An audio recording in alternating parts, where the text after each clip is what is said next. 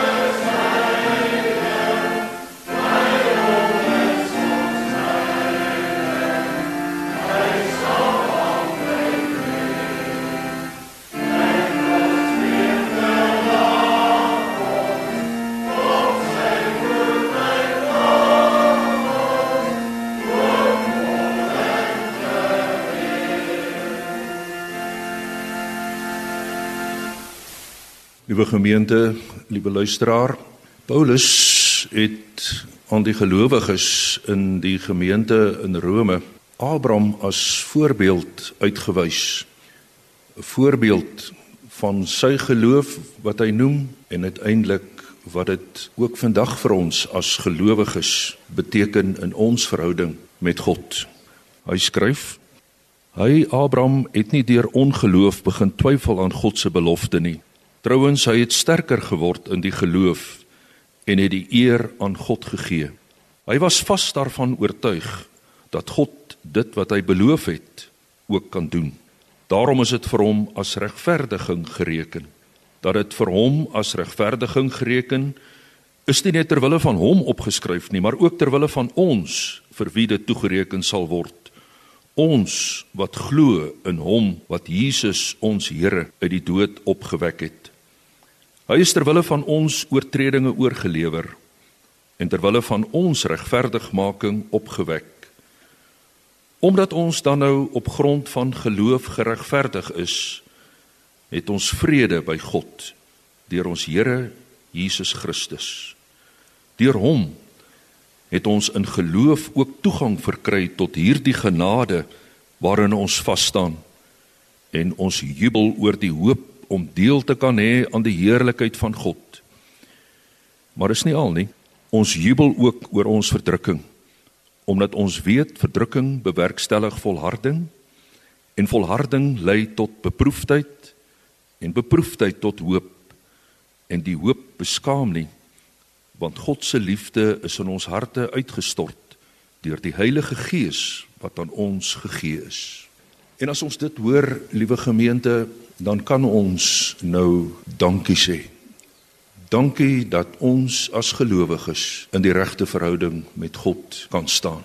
Kom ons staan. Ons sê dit met die woorde van lied 470, die eerste en die vierde vers en daarna bly ons ook staan wanneer ons ver oggend met die woorde van die Nisiaanse geloofsbelijdenis ook ons geloof saam bely.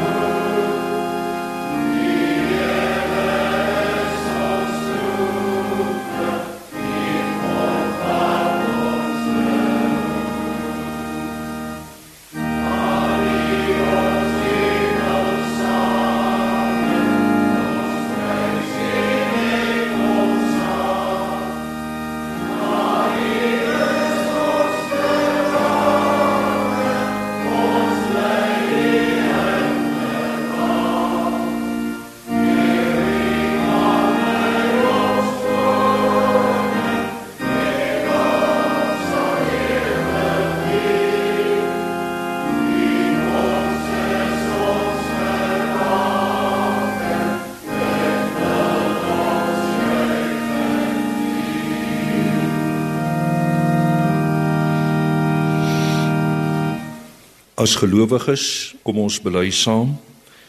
Ons glo in een God, die almagtige Vader, die skepper van hemel en aarde, van alle sigbare en onsigbare dinge.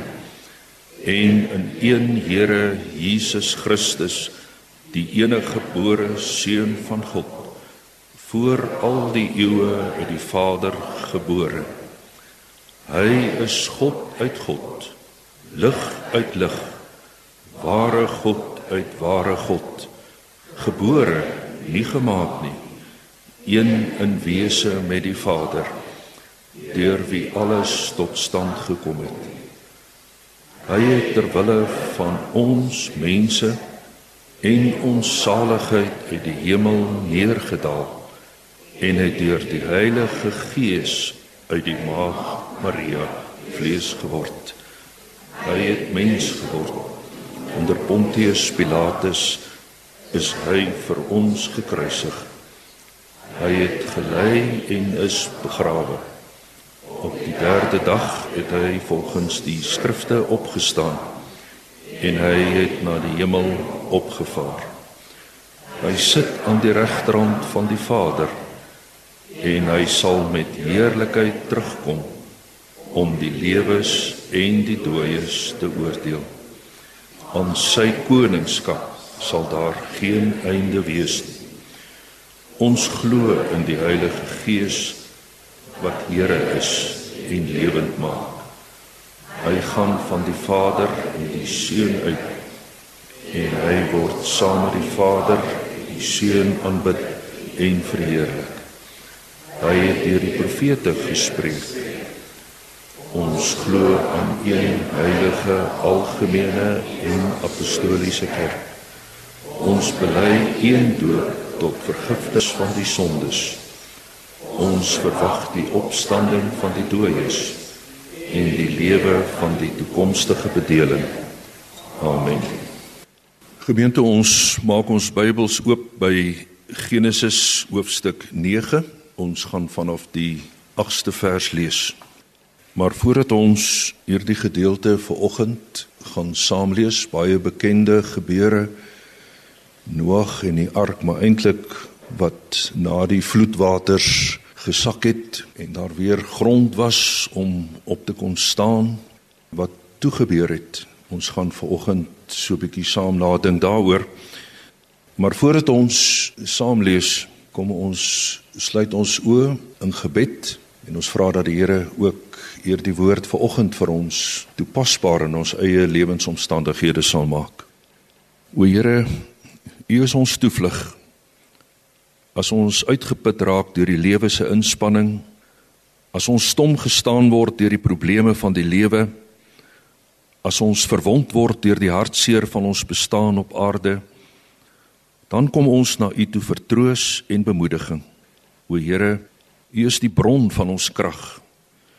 As die uitdagings van ons kragte is bo ons kragte, as die versoekings op ons pad te sterk word vir ons, as ons roeping meer vra as wat ons kan gee, dan kom ons na U toe vir krag. O Here, U gee ons al die goeie dinge in die lewe. Van U kom ons ideale en drome.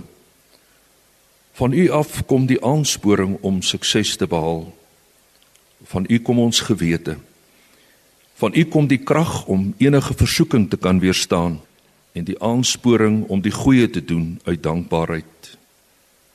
En nou Here, as ons tot U bid, help ons om te glo in U oneindige liefde sodat ons seker sal wees dat U ons gebede hoor. Help ons om te glo in U onmeetlike krag sodat ons seker sal wees dat wat U vir ons sal doen meer is as wat ons kan vra of dink. Help ons om te glo in u alwysheid sodat ons seker sal wees dat u ons sal antwoord. Nie soos ons in ons onkunde van u vra nie, maar soos u in u volmaakte wysheid weet die beste vir ons is. En ons hemelse Vader met hierdie woorde, hierdie ou gebed, vra ons ook dat u ver oggend deur u gees as ons gaan luister na u woord dat dit deur die Gees u woord sal wees en u woord ons harte sal aanraak. Dit vra ons ons Vader in afhanklikheid. Dit vra ons in die naam van ons Here Jesus Christus. Amen. Liewe gemeente, net voor ons hierdie gedeelte gaan saam lees, net 'n paar opmerkings om wat hier gebeur moontlik beter te kan verstaan.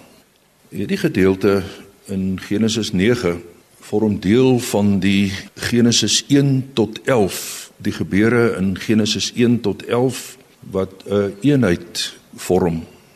En ons weet mos nou wat Genesis 1 tot 11 alles sê. Dit begin met die skepping van God en dan die mens wat geskep is na die beeld van God Maar veral sien ons dat die mens geskep is as 'n verhoudingswese.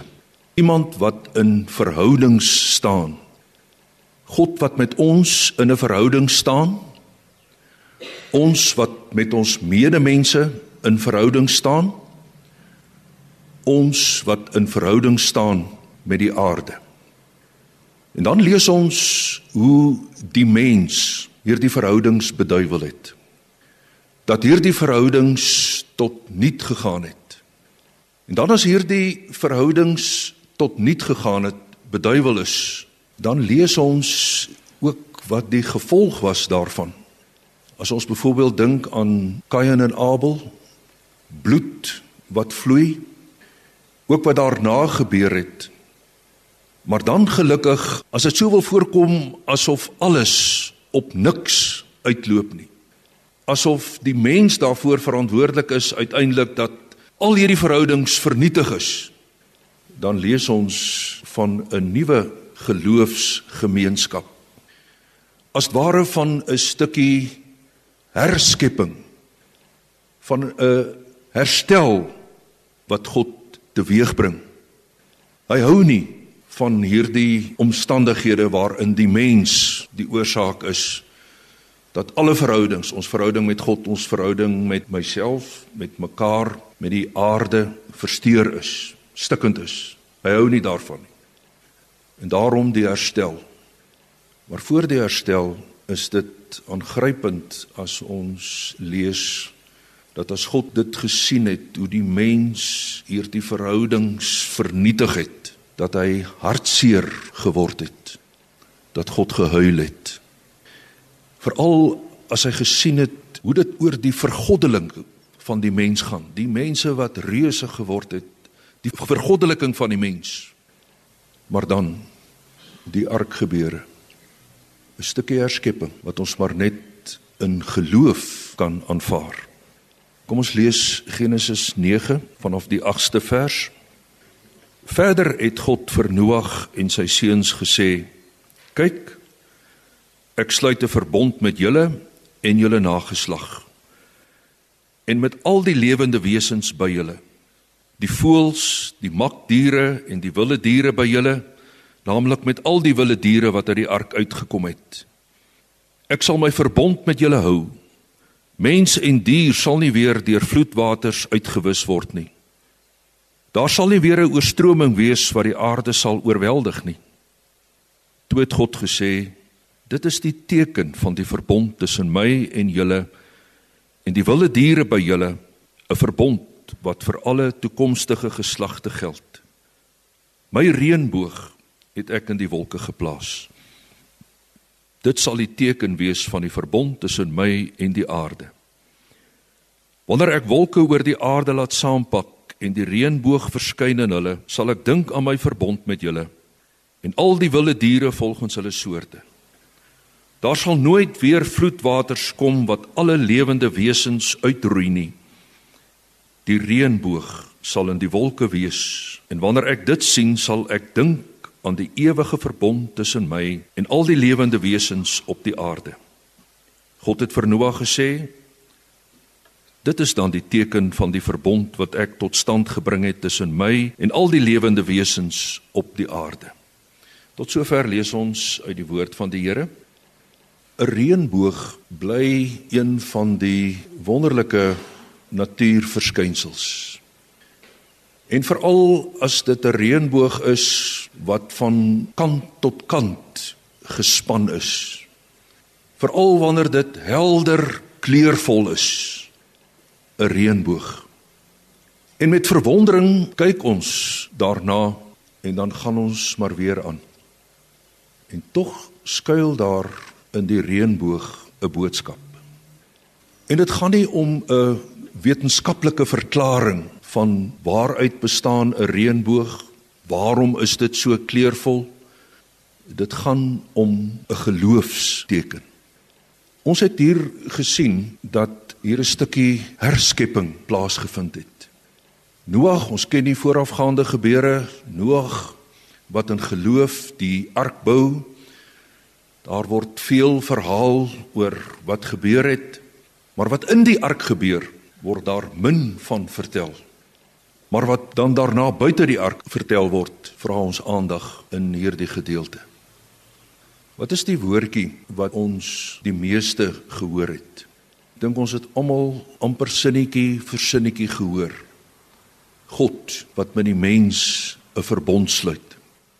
God wat met die mens 'n ooreenkoms aangaan.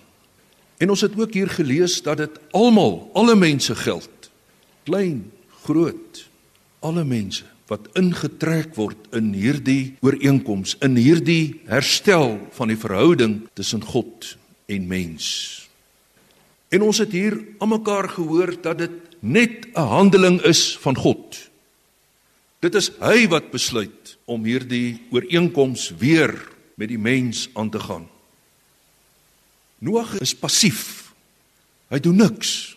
Daar word niks van hom verwag nie. En dalk het hierdie teken van die verbond, die reënboog juis omdat God geweet het dat uiteindelik Noag dit nie sal kan doen nie. Daarom dat al die inisiatief alles van God se kant af kom. Maar as ons nog verder kyk, dan hierdie versie, die reënboog sal in die wolke wees en wanneer ek dit sien, sal ek dink aan die ewige verbond tussen my en al die lewende wesens op die aarde. Het jy mooi gehoor? Die reënboog sal in die wolke wees en wanneer ek dit sien, sê God, sal ek dink aan die ewige verbond tussen my en al die lewende wesens op die aarde. Dis nie ek wat na die verbond, ek wat na die reënboog kyk nie. God wat op grond van sy verbond, sy ooreenkoms met die mens, die reënboog sien. En as God die reënboog sien, dan dink hy daaraan dat hy nie die mens gaan verwoes nie. Dat die skepping nie weer verwoes gaan word nie.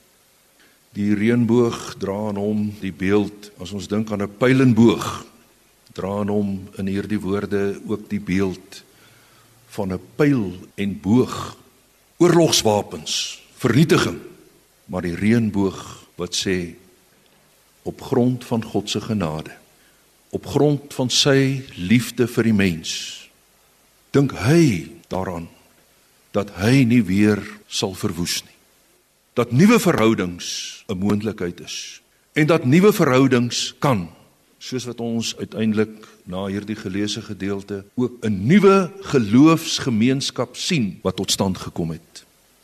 Gemeente, luisteraar, as ons dit hoor, kom ons dink daaraan as ons weer 'n reënboog sien. Ons kyk daarna met verwondering, ja, maar dalk met verwondering omdat God by homself dink ek gaan nie weer verwoes nie. Want God is 'n God van liefde. God wat alle verhoudings kom herstel het. En dit gee vir ons hoop. Dit versterk ons geloof. Daarom kan ons na môre en oormôre kyk vol vertroue want ons weet God het met my 'n ooreenkoms. En ek word van tyd tot tyd 'n reënboog. Ek word van tyd tot tyd aan hierdie ooreenkoms herinner. Omdat God vir homself sê ek vernietig nie. Ek herstel verhoudings. Daarom liewe gemeente in ons persoonlike omstandighede in ons huislike omstandighede in ons landsomstandighede Ons kan in geloof want dit gaan nie om die wetenskaplike verklaring nie, maar dit gaan om dit te aanvaar soos Noag in geloof.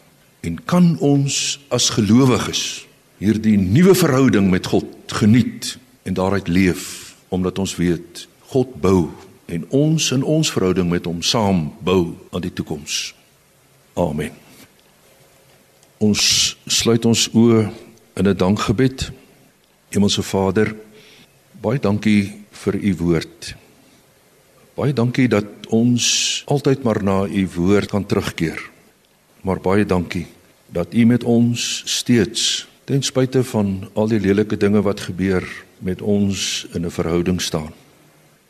Ons vra dat u ons geloof sal versterk, want dan weet ons ons Vader dat ons saam vol vertroue na môre en oormôre kan kyk Ons Vader, ons bid ver oggend vir ons land, ons landsomstandighede, ons regering, ons staatspresident en hulle wat vir hom help om te regeer, dat dit met insig en wysheid sal wees sodat daar rus en vrede in ons land blywend sal wees. Hemelse Vader, ons dink aan die omstandighede rondom reën, sommige dele van ons land wat swaar kry ander dele wat u seën met reën. Ons is dankbaar daarvoor. En dan in afhanklikheid vra ons maar dat u sal voorsien uit genade daar waar reën so nodig is. Want u het mos gesê dat u nie verwoes nie En daarom kan ons vertrou, weet ons dat daar weer reën sal wees sodat die landbou kan floreer en ons as mense ook weer voluit kan leef. As ons dit saam bid vir oggend ons Vader, dan is dit in U naam, ons Here Jesus Christus. Amen.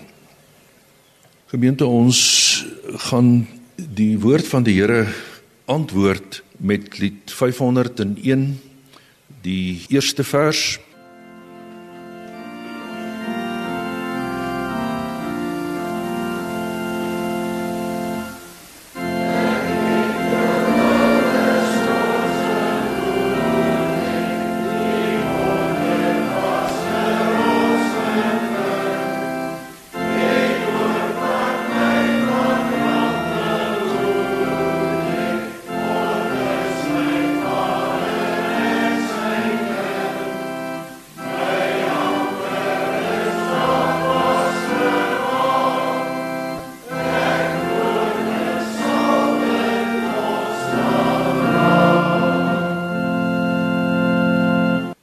Ons word teruggestuur na ons huis, na die skool, na ons werksplek. En kom ons luister na die woorde van Franciscus van Assisi in sy gebed: Here, maak my 'n instrument van die vrede. Waar daar haat is, laat my liefde saai. Waar daar onreg is, vergifnis. Waar daar twyfel is, geloof.